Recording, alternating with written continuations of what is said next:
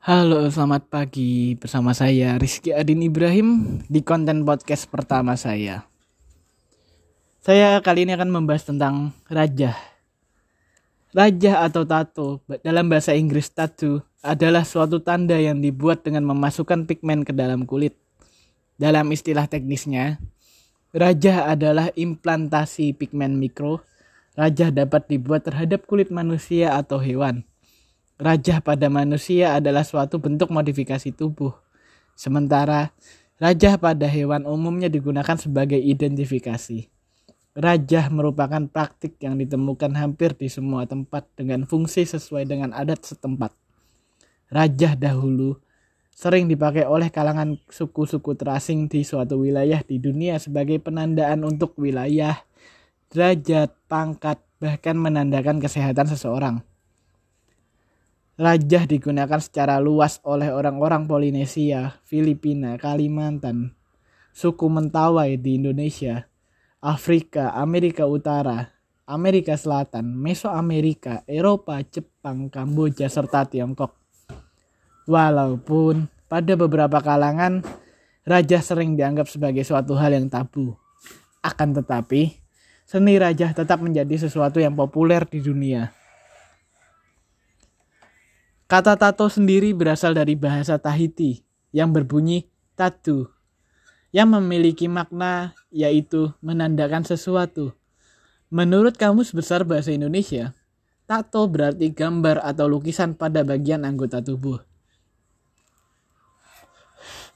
Keberadaan merajah tubuh, keberadaan merajah tubuh di dalam kebudayaan dunia sudah sangat lama ada dan dapat dijumpai di seluruh sudut dunia. Menurut sejarah, Ternyata rajah tubuh sudah dilakukan sejak 3000 tahun sebelum Masehi. Tato ditemukan untuk pertama kalinya pada sebuah mumi yang terdapat di Mesir. Dan konon hal itu dianggap yang menjadikan tato kemudian menyebar ke suku-suku di dunia. Termasuk salah satunya suku Indian di Amerika Serikat dan Polinesia di Asia. Lalu berkembang ke seluruh suku-suku dunia, salah satunya suku Dayak di Kalimantan dan juga ada satu lagi suku di Indonesia yaitu suku Mentawai. Tato dibuat sebagai suatu simbol atau penanda. Dapat memberikan suatu kebanggaan tersendiri bagi si empunya tato dan simbol keberanian dari si pemilik tato. Sejak masa pertama, tato dibuat juga memiliki tujuan demikian. Tato dipercaya sebagai simbol keberuntungan, status sosial, kecantikan, kedewasaan, dan harga diri sang pemilik.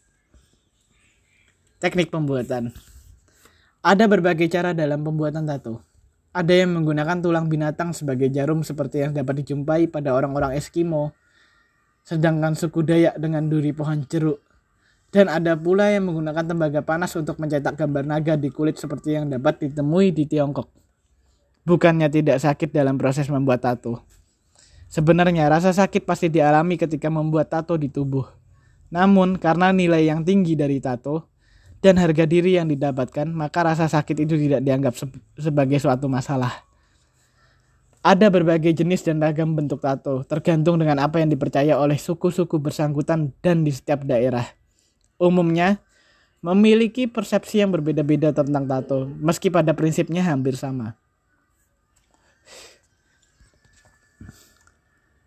Di Borneo, penduduk asli wanita di sana menganggap bahwa tato merupakan sebuah simbol yang menunjukkan keahlian khusus. Di Tiongkok, pada masa zaman dinasti Ming, kurang lebih 350 tahun yang lalu, wanita dari suku Drung membuat tato di wajah dan pantatnya untuk sebagai tanda bagi keturunan yang baik.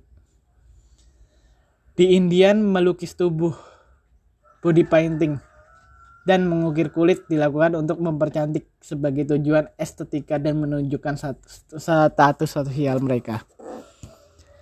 Suku Mentawai, suku Mentawai memandang tato sebagai suatu hal yang sakral dan berfungsi sebagai simbol keseimbangan alam.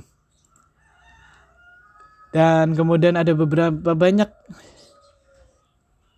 kisah stigma sosial terhadap orang-orang yang bertato. Seperti contoh, ada kata-kata dalam semakin banyak orang memiliki tato dan perusahaan-perusahaan harus menerima kenyataan itu. Namun persoalannya tidak semudah itu. Dalam beberapa tahun terakhir, tato makin digemari banyak orang. Itulah pendapat George George Bond tentang tato yang mungkin menjadi suatu hal lumrah. Bahkan di konvensi di konvensi di konvensi tato London tato London yang diklaim sebagai ajang tato terbesar di Eropa, Bond tetap menonjol.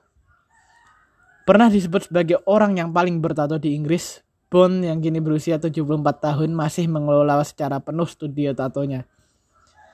Namun Bond tampak tidak terkesan pada perubahan pandangan publik terhadap tato. Tato berubah menjadi sekedar aksesoris fashion. Saya menentang itu. Karena tato bukan aksesoris, melainkan pilihan hidup. Menurut George Bond.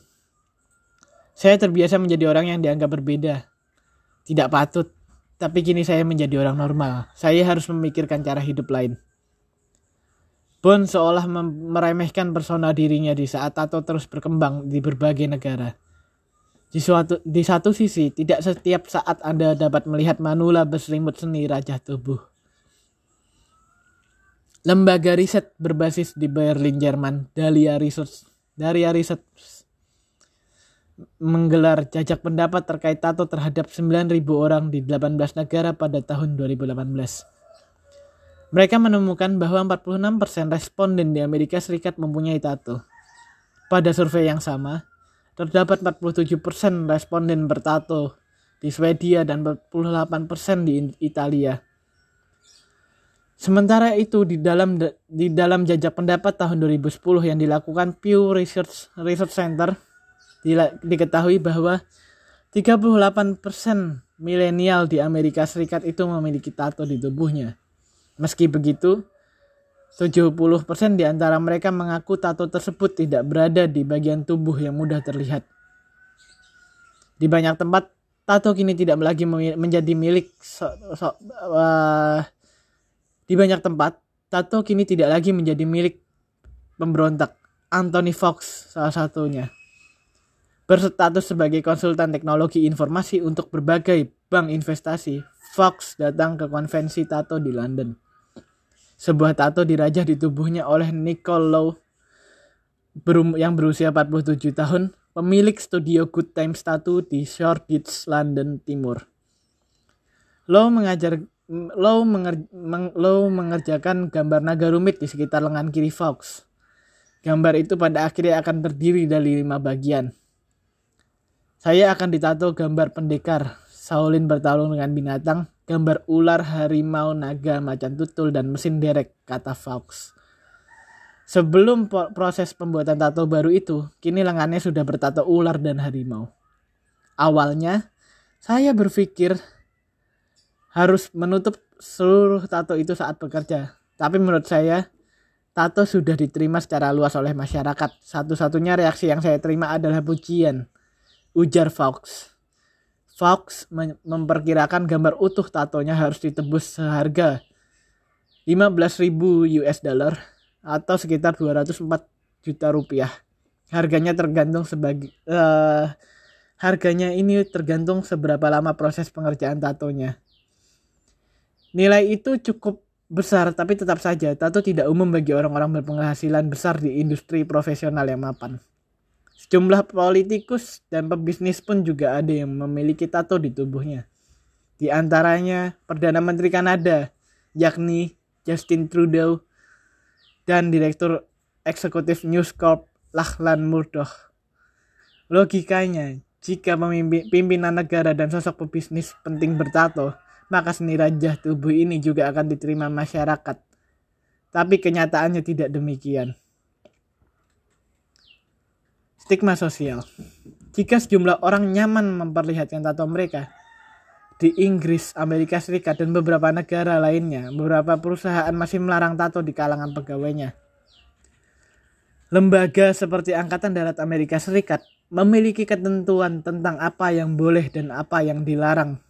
Sementara dengan alasan pembebasan budaya, maskapai, maskapai Air New Zealand mencabut aturan tentang tato di bagian tubuh yang tidak terlihat. Di Selandia Baru, kebijakan agar suku Maori menutup tatonya menimbulkan banyak kontroversi. Selain pengecualian terhadap budaya tertentu, sikap perusahaan yang konservatif tidak serta-merta tak sejalan dengan norma sosial. Anda mungkin berpikir bahwa di negara-negara dengan persentase penduduk bertato yang tinggi, akan ada pandangan yang lebih santai tentang seni tubuh. Namun kenyataannya tidak selalu seperti itu. Penelitian yang dilakukan oleh Oh tidak salah, salah. Penelitian yang dilakukan untuk Universitas Iowa Utara oleh Christine Broussard dan Helen Harton mengungkapkan bahwa bahkan di AS bahkan di Amerika Serikat mengenakan tato sebagai pelapis lengan akan diganjar stigma sosial. Dalam kajian mereka tahun 2017, Broussard dan Harton melibatkan dua kelompok grup. Pertama terdiri dari pelajar berusia rata-rata 19 tahun, sedangkan kelompok lain adalah penduduk Amerika Serikat dengan rentang umur sekitar 42 tahun.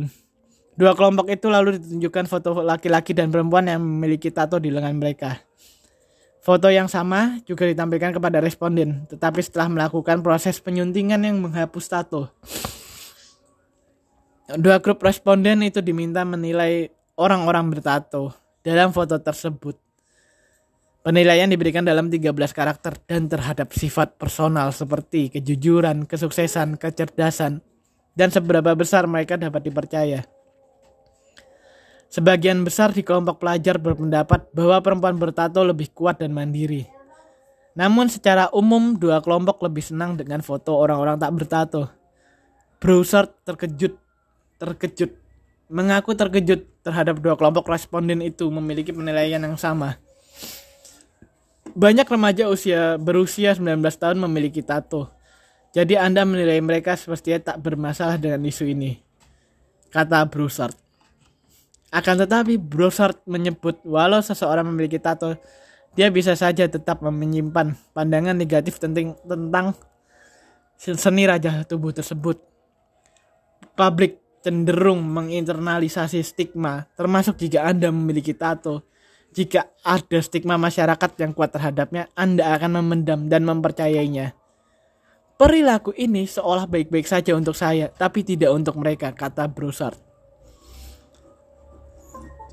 Jadi bahkan jika Anda seorang CEO yang memiliki tato, Anda mungkin tidak akan mempekerjakan seseorang yang memiliki tato.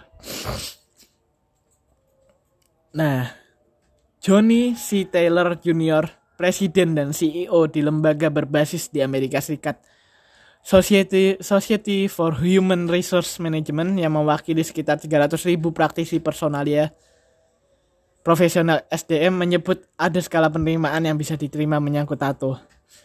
Dalam konteks tato, yang paling bisa diterima hingga paling tidak dapat diterima jika Anda bisa menyembunyikannya. Ada pemberi kerja yang mengatakan Anda boleh bertato, tapi itu seharusnya tidak menjadi gangguan seperti menutupi setengah wajah Anda atau yang menyinggung orang lain seperti gambar wanita berpakaian minim di bicep seorang pria.